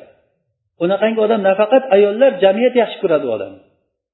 Birovni aybini ko'rgan paytingizda ko'rmaslikka olib birovni bir aybini bir ayb qilayotganligini ko'rsa indamasdan o'shani bilmaslikka olib o'tib ketishlik bu karim karamlik odamni xislati bu narsa.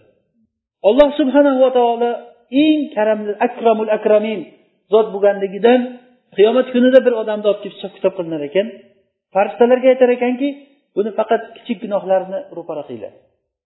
Kichik gunohlarni ro'para qil ekan bunga. Mana bugun gunohni sen qilganmisan? Ha qilganman. Bu gunohni qilganman. Bunichi qilganman. Qilganman. Nima deyiladi hamma narsa guvohlar tayyor. Qilganman. Bo'ldi deganda haligi odam bo'ldi men halok bo'ldim deb o'ylab qolar ekan.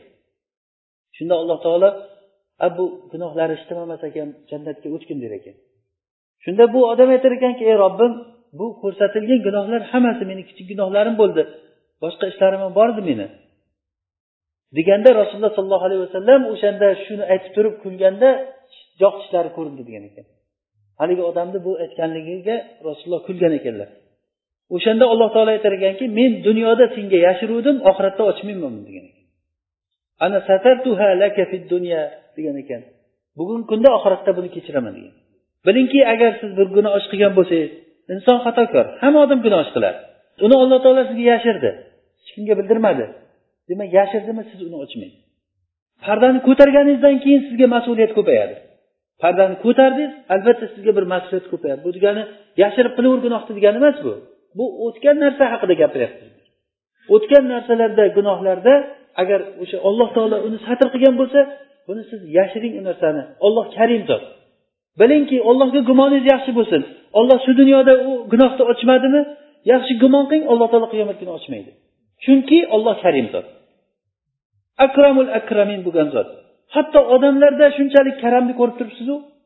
Odamlarda karamli degan odamingiz bir aybni chuqalamasdan bir yomonlikni ko'rsa ko'rmaslikka olib turib yoki eski gunohlaringiz bo'layotgan bo'lsa hadeb yuziga solavermasdan indamasdan xuddi bo'lmaganday o'tmaganday gunoh sizdan muomala qilib ketaversa o'shani yaxshi ko'rasizmi? Bu insonniki yaxshi ko'rganingizdan keyin ollohga gumoningiz qanday bo'ladi?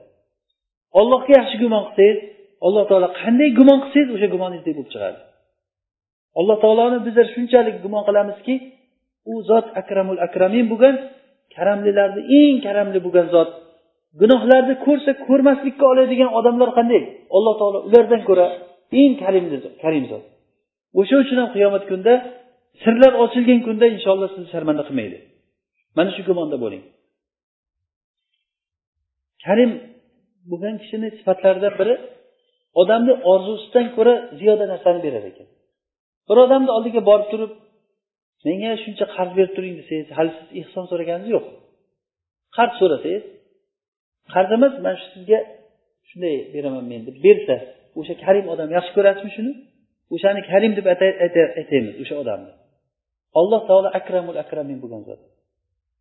Eng qiyomat kunida oxirgi jannatga kirayotgan odam. Jannat ahlini eng oxirgi do'zax ahlini eng oxiri do'zaxdan chiqayotgan odamni qiyomat kuni olib kelinadi. Gunohlari kuyib bo'lgandan keyin gunohlariga yarasha undan keyin iymon bo'lgan. Kuyib bo'lgandan keyin alloh taolo uni olib kelar ekan. Olib kelgandan keyin jannat eshigini oldiga olib kelib qo'yib alloh taolo orzu qil der ekan.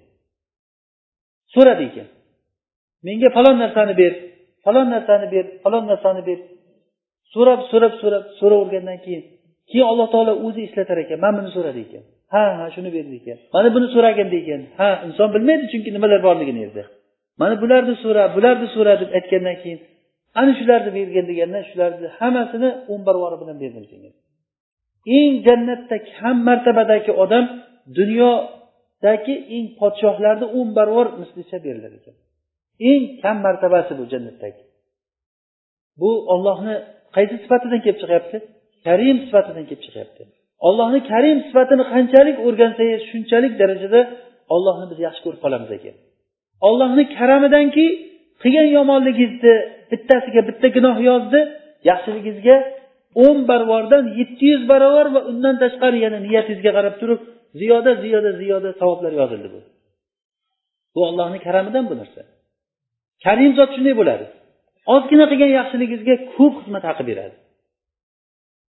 Ishlatib ishlatib joningizni sug'urib olgandek qilib ishlatib qulog'ingizga o'lchab narsani bersa bu adolat qilgan bo'lardi bu. O'zi asli adolat shu. O'zi aslida al g'urmu bil g'ummi deydi arab tilida. Ya'ni qanchalik darajada siz ishlasangiz qanchalik qiynalsangiz shuncha mukofot olishligingiz kerak. Bitta gunohingizga bitta gunoh yozilyaptimi bitta savobingizga ham bitta savob yozilishi kerak o'zi adolatda. Lekin alloh taoloni karam sifati bu yerda g'olib bo'ldi. Bitta gunoh qilsangiz bitta yoziladi bitta savob qilsangiz o'nta o'ntadan yetti yuzta undan ham ziyodgacha savob yozilaveradi. Tugamaydi bu narsa karim degani sahiy degan kishi shunday bo'lar ekanki hali biz odamni gapirayotgan bo'lsak sarih ochiq so'ramasdan turib bir ishora qilsa berar ekan. Hali so'ramasingizdan turib ishora qilinsa bir xotin kelib turib aytgan ekan xalifaga ey amirul mo'minin uyda sichqonlar qolmay ketdi degan ekan. Uyda sichqon qolmadi degani uyda non qolmadi deganda sichqon qayerda bo'ladi?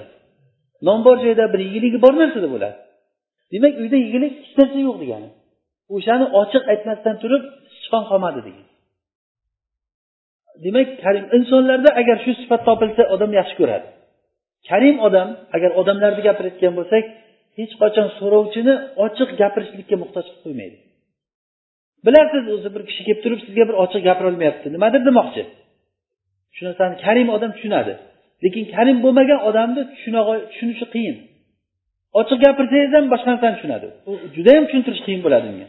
Bittasiniki mehmonga borganda oldiga xizmatchisi bitta xo'rozni pishirib olib kelgan ekan mehmon bilan o'tirganda. Qani buni kallasi degan ekan? Xo'jayin. Kallasi qani deganda kallasini tashlab yubordim deganda kalla ham xo'rozni kallasini ham tashlaydimi odam? Uni bilasanmi ko'zida qancha vitamin bor qancha maqtalingan. Uni miyasini yegan odamni boshi og'rimaydi. Xo'rozni miyasidagi go'sht suyagini chaynagan odamni tishiga qancha davo bo'ladi? Shuncha narsani bila turib menku o'zi xo'rozni oyog'ini tashlagan odamni yomon ko'rishimni bilarding sen boshini tashlab yuboribsan sen. Qayerga tashlading bor olib ket degan ekan. Eslolmayman qayerga tashlaganimni degan ekan u ham.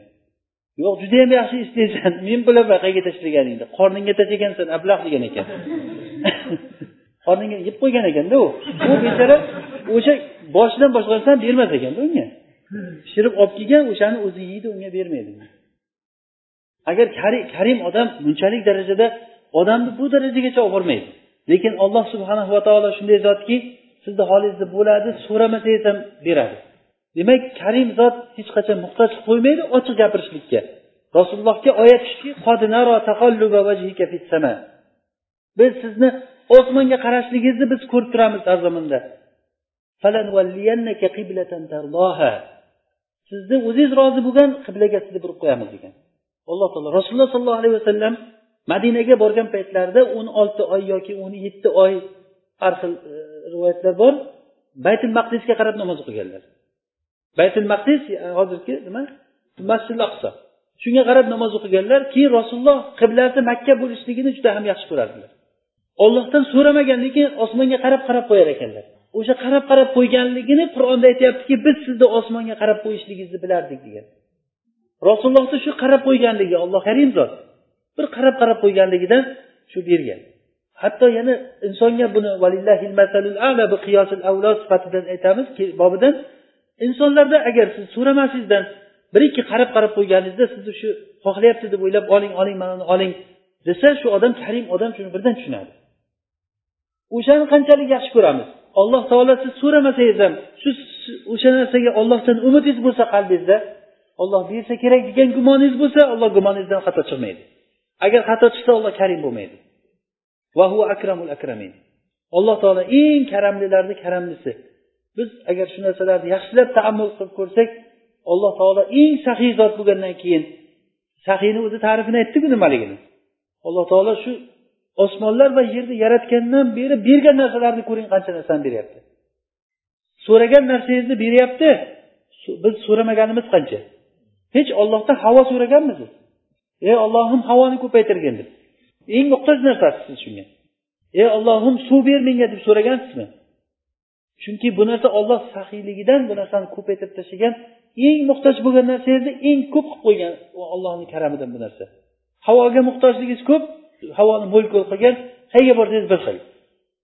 Suvga muhtojligingiz ko'p qayerga borsangiz bir xil. Havo deysizmi boshqa deysizmi badaningizdagi shu e, sochlarni o'sishligi deysizmi hamma narsani o'ylang. Hech kim ollohdan bir esiga kelmaydi u narsani so'rashlik. Alloh taolo shuni so'ramasdan ham siz bilmaysiz uni. Ertayu kech qancha sizga musibatlar kelyapti uni alloh taolo qaytaryapti. Ichingizda qancha narsalar bo'lyapti alloh taolo buni beryapti sizga muhtoj bo'lgan narsangizni. Alloh taolo har bir narsani quvvatini ozuqasini beruvchi zot. Qanchalik muhtoj sizni ko'zingiz qancha narsaga muhtoj bo'ladi? U ko'rib turishlik uchun nimalar kerak bo'ladi unga? Ovqat yeganingizda u ovqatni ovqatni qanchasi badaningizga hazm bo'lib qanchasi qoni qonga suv suvga o'tib qanchasi kerak bo'lmasa hazm bo'lib tushib ketishligi bu tushib ketishligini o'zini ayting. Yegan ovqatingiz yegan joyingizda qolib ketsa nima bo'ladi? Qorningiz jahannamga aylanadi sizga. Agar yegan narsangiz tushmay to'ppa bo'lib oshqozonda qolib ketsin undan qutulishlik uchun hamma narsangizni berasiz kerak bo'lsa. Hamma narsangizni berasiz narsangiz bo'lsa agar. Lekin bu narsalar sizniki emasku. Ollohniki bu narsalar. Alloh taolo sizdan bir ollohni bergan mulkidan faqirlarga bechoralarga yordam qilinglar men bergan narsalardan falonchaga ham bergin desa nima beraman ekan deb turib inson o'sha narsaga ollohga urush e'lon qildi. O'zi ollohni narsasini yeyapti. Ollohdan olyaptidan keyin mana uni mana buga olib borib ber desa yo'lda xiyonat qilib ketgan odamga o'xshaydi boylar. Xuddiki boylarga alloh taolo molni bergan paytda o'sha molni mana bu senga mana bundan buyog'i kambag'allarga shunga olib borib bergin senga shuni beryapmiz desa u zakotini bermay ketgan odam o'g'rilarga o'xshaydi. Olyaptidan keyin shartta chupta ayb rostlagan. Ertaga yana kelyapti yana bergin deb turib. Kechagi narsani berdingmi deb so'ramayapti alloh taolo ulardan karim zot ekan. U lekin hisob kitobini qiladi oxirat kunida bularni hammasini. O'shaning uchun ham haligi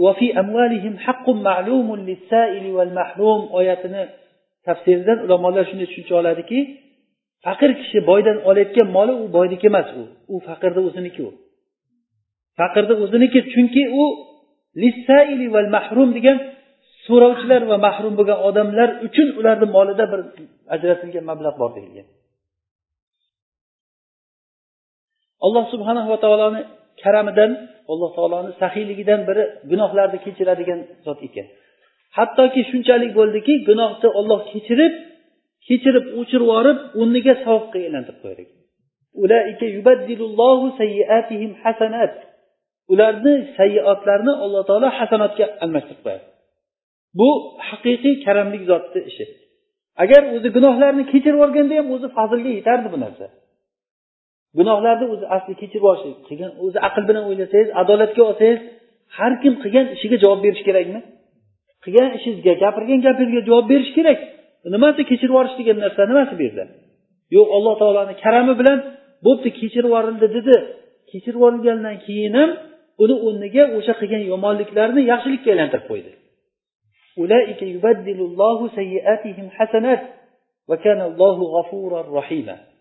Alloh taolo kechiruvchi rohim bo'lgan zot. alloh subhanahu va taolodan mag'firat so'raymiz o'zi mag'firat degani mag'firat degani arab tilida mig'far deb boshga kiyayotgan kaskani mig'far deydi. Ya'ni u mig'far sizni ustingizga tushayotgan zarbani qaytarayotgan narsa bo'ladi. mag'firat shunday narsaki gunohda inson bir gunoh ish qilgandan keyin o'sha gunohni orqasidan albatta bir yomonliklar keladi. Shuning uchun ham gunoh arab tilida zambun deyilgan. Zambun zanabdan olingan. Zanabun dum dum degani. Ya'ni dum odamni orqasidan ergashib yurganidek gunoh albatta odamni orqasidan ergashib yuradi. Masalan bir odam zino qilsa olloh asrasin zino qilayotgan bo'lsa o'sha zinoni yomonliklari bu odamga ergashadi. Bu odamga orqasidan ergashadi uni orqasidan yomonliklar chiqib ketaveradi. Bitta yomonlikdan keyin yana boshqa yomonlik uni orqasidan boshqa yomonlik. Bir odam bir ayol bilan zino qilib turib o'shanga uylanadi undan bola tug'iladi u bo'ladi bu bo'ladi. Hayoti tamom mana shunaqangi bir kashaga aylanadi. Alloh taolo mag'firat qilsa o'sha gunohdan kelayotgan yomonliklarni o'zi to'sib qo'yadi mag'firat deganiki go'yoki gunoh bo'lmay u asari o'chiriladi. U xuddiki mana bu yozilgan narsalar daftarga yozilgan narsalar shu gunoh mana shunday qora bo'lib yozilib qolsa mag'firat bo'lgandan keyin shunday ustiga boshqa narsa shunday qoplaniladidan keyin yaxshilik qilib qo'yiladi endi bu narsa ollohni sof bu karamidan boshqa narsa emas bu. Alloh taolo shunchalik karamli zotki qanaqangi gunoh qilgan bo'lsangiz ham shirk keltirgan bo'lsangiz ham o'g'irlik qilganmisiz zino qilganmisiz aroq ichganmisiz qanaqa gunoh bo'lsa qo'lingizni ko'tarib ey robbim meni kechirgin men sendan kechirim so'rayman deng olloh kechirmasa karamli zot bo'lmaydi. Inshaalloh alloh taolo kechiradi. Faqat siz o'sha sodiq bo'lgan qalb bilan ollohdan so'rashingiz kerak. Haqiqiy rostgo'y qalb bilan qalbni ochib ollohdan so'rashingiz kerak. Demak e, alloh taoloni karami keng lekin bu karam uni qabul qiluvchi odamlarga muhtoj bo'ladi qalblarga muhtoj bo'ladi. Agarda mana shu narsalarni eshitavergandan keyin odam agar yaxshilab taammul qilsangiz iloji yo'q siz alloh taoloni yaxshi ko'rib qolasiz. Ollohga gumoningiz yaxshi bo'lib qoladi. Mana shu ikkita sifat hozir biz ikkita sifatlar bu qaysi? Ya zal jalali val ikrom. Ollohni zul jalal val ikrom zul ikrom degan sifati bu alloh taoloni karam karim sifati va ulug' degan sifat shu ikkita sifat orqali biz alloh taologa yaxshi gumon qilishlikni o'rganamiz. Demak bugungi mavzumiz shu bo'ldi. Ya zal jalali val ikrom bilan rasululloh sollallohu alayhi vasallam aytdilar ya zal jalali val ikrom degan kalima bilan sizlar ollohga boringlar qochib boringlar degan. Mana shu ikkita kalima bilan agar shu oralig'dan biz shularni ko'zoynak qilib taqib qarasak bu narsa ollohga bo'lgan gumonni yaxshiligiga olib keladi bu narsa. Ollohni ulug'ligini bilishlik va yana ollohni sahiy sahiy karim zot ekanligini bilishlik bo'ladi. Odam ollohni qanchalik tanisa shunchalik ollohga gumoni shunday bo'lar ekan. Agar ollohni hamma narsani biluvchi ekanligini bilmasa ollohdan yashinib turib gunoh qilishga harakat qiladi. Agarda demak bu yashinib gunoh qilayotgan odam bu yerda yo ollohni bilmayapti deyapti. Yo bo'lmasa baribir kechiradi deb turib yomon gumon qilyapti allohga. U alloh taolo kechirmay qo'ysa nima bo'ladi gunoh qilaveringlar men kechiraman demaganku. Hech joyda aytilmagan bu narsa sizlar gunoh qilaveringlar men kechiraman demagan. Ey gunoh qilgan odamlar men sizlarni kechiraman degan. Gunoh qilib bo'lgan odamlarga gapirilgan lekin endi qilinayotgan narsalarga aytilmagan u narsa. Mana shu narsani nozik joyi bor yaxshi tushunib olish kerak. Olloh kechirar ekan degani bu endi gunohlarni qilaverish degani emas bu. Odamlarga agar davosi bilan berilaversa hamma odam men ollohga yaxshi gumon qilaman deb davo qiladi. Lekin bu narsa albatta sinalmay iloj yo'q. Inson sinalinadi. Sizlarga sinov albatta keladi. U qanday suratda keladi? Olloh biladi. Balkim kambag'alchilik suratida kelar. Balkim kimnidir farzanddan qilib kelar. Balkim boshqacha suratlarda kasal bo'lishingiz mumkin. Albatta lekin keladi. Mana shu paytda sizni qalbingizdagi ollohga bo'lgan gumoningiz albatta chiqishligi uchun. Agar allohga gumoningiz yaxshi bo'lsa xotirjam bo'lavering inshaalloh. Kasallikni shifosini kim beradi? Ollohni o'zi beradi. Agar inson har qancha karim bo'lgan paytda ham inson kasalga shifo berolmaydi yoki balolangan odamni balosini ochib yuborolmaydi bolasi bo'lmagan odamga bola berolmaydi har qancha karim bo'lib agar milliarder bo'lib ketsa ham so'ragan narsasini beraveradigan odam bo'lsa ham bu narsalarni hech kim qilolmaydi. Buni yolg'iz akramul akramin bo'lgan alloh subhanava taoloni o'zi beradi. Shuning uchun biz alloh taologa qattiq bog'lanaylik. Qalbimizni ustida ishlaylik. Birinchi o'sha nimalardan biri ollohni shu yazal jalal va ikrom sifati orqali ollohni ko'proq biz e, o'ylashimiz kerak shu narsada. Hozirgi keltirgan misollarimiz bir bitta bitta misollar. Mana gunohlarni kechirishligi bitta qilgan gunohingizga shuncha e, gunoh e, yoki savobingizga mana shuncha savob yozilyapti deganligi so'ramasdan berishligi so'rasangiz ziyoda qilib berishligi alloh taoloni shunchalik bilmagan holatingizda sizga berib qo'yaverishligi bu karim zotni qilayotgan ishi. Sizga kerakli bo'lgan narsalarni o'zingiz bilmagan holatda borsangiz tayyor bo'lib turibdi. Shunday uyga kirsangiz dasturxon yozilgan ovqatlar qo'yilgan ye kim qo'yib qo'yibdi ekan buni demasdan tapir tupur yeb yeb yeb chiqib ketaversada yana qaytib kelsa tayyorga bo'lsa yeb yeb chiqib ketaversa bu g'ofil banda deyiladi aynan siz g'ofillardan bo'lmang. Alloh taolo beryapti shuni biz tan olaylik hech bo'lmasa olloh beryapti shu berayotgan narsalarni olloh beryapti bizga degan bir o'y kelsin odamga aqlliman degan aqllilar shunchalik narsaga aqli yetgan odamlar ertayu kech ularga shuncha rizq berayotgan robbisini unutib qo'ygan aqlli odamni nima deyish kerak endi buni g'ofil degani bu g'ofil banda shunday bo'ladi xuddiki masalan bir joyga bir yem to'kib qo'yib hayvonni kirgizib yuborsangiz kim to'kib qo'ydi ekan buni kimga to'kib qo'ydi ekan deb o'ylaydimi hayvon tapir tupir yeydi yeydi tapir tupir to'ygancha yeydida qolganini bosib yanchib birovga ehson ham qilmaydi u ayni o'sha kofirlarni alloh taolo shunga o'xshatgan الذين كفروا يأكلون ويتمتعون كما تأكل الأنعام والنار مثوى لهم kofir bo'lgan odamlar yeydi ichadi dunyodan foydalanadi xuddi hayvon foydalangandek hayvon ayni shundayda u keladi buni kim qo'ydi ekan deb o'ylamaydi. Yeydi yeydidan keyin undan ehson qilmaydi va uni boshqa bir o'rnini yig'ishtirib ketay demaydi. Buni haqini ado qilay demaydi. Hattoki hayvonlar ham o'zini vazifasini qiladi ba'zan. Bir tug'il noni shu haligi it masalan qancha hovlingizni qo'riqlaydi hayvonga ovqat bersangiz semiradi vazifasini qilyapti u. Lekin inson g'ofil bo'lgandan keyin o'sha narsalarni unutadi. Bizni demak vazifamiz avvalambor mana shu narsada o'ylashligimiz kerak. Alloh taoloni zul jalal va ikrom sifati orqali o'ylasangiz allohga gumonimiz yaxshi bo'ladi. Ollohni sifatlari orqali allohga yaxshi gumon qilishlikni o'rganaylik. Ollohni barru rohim sifatini oling. Innahu huval barru rohim rohim sifatini oling. Ollohni rahim sifatidan rohim ismidan kechiruvchi ekanligidan allohga yaxshi gumon qilamiz kechiradi. G'ofur sifati bilan mag'firat qiladi. Karim sifati bilan saxovat qiladi. Mana shu sifatlari bilan bitta bitta o'ylab qaraganimizda alloh taoloni albatta biz yaxshi ko'ramiz allohga gumonimiz yaxshi bo'ladi. Allohu alam. Robbina taala ala va alam.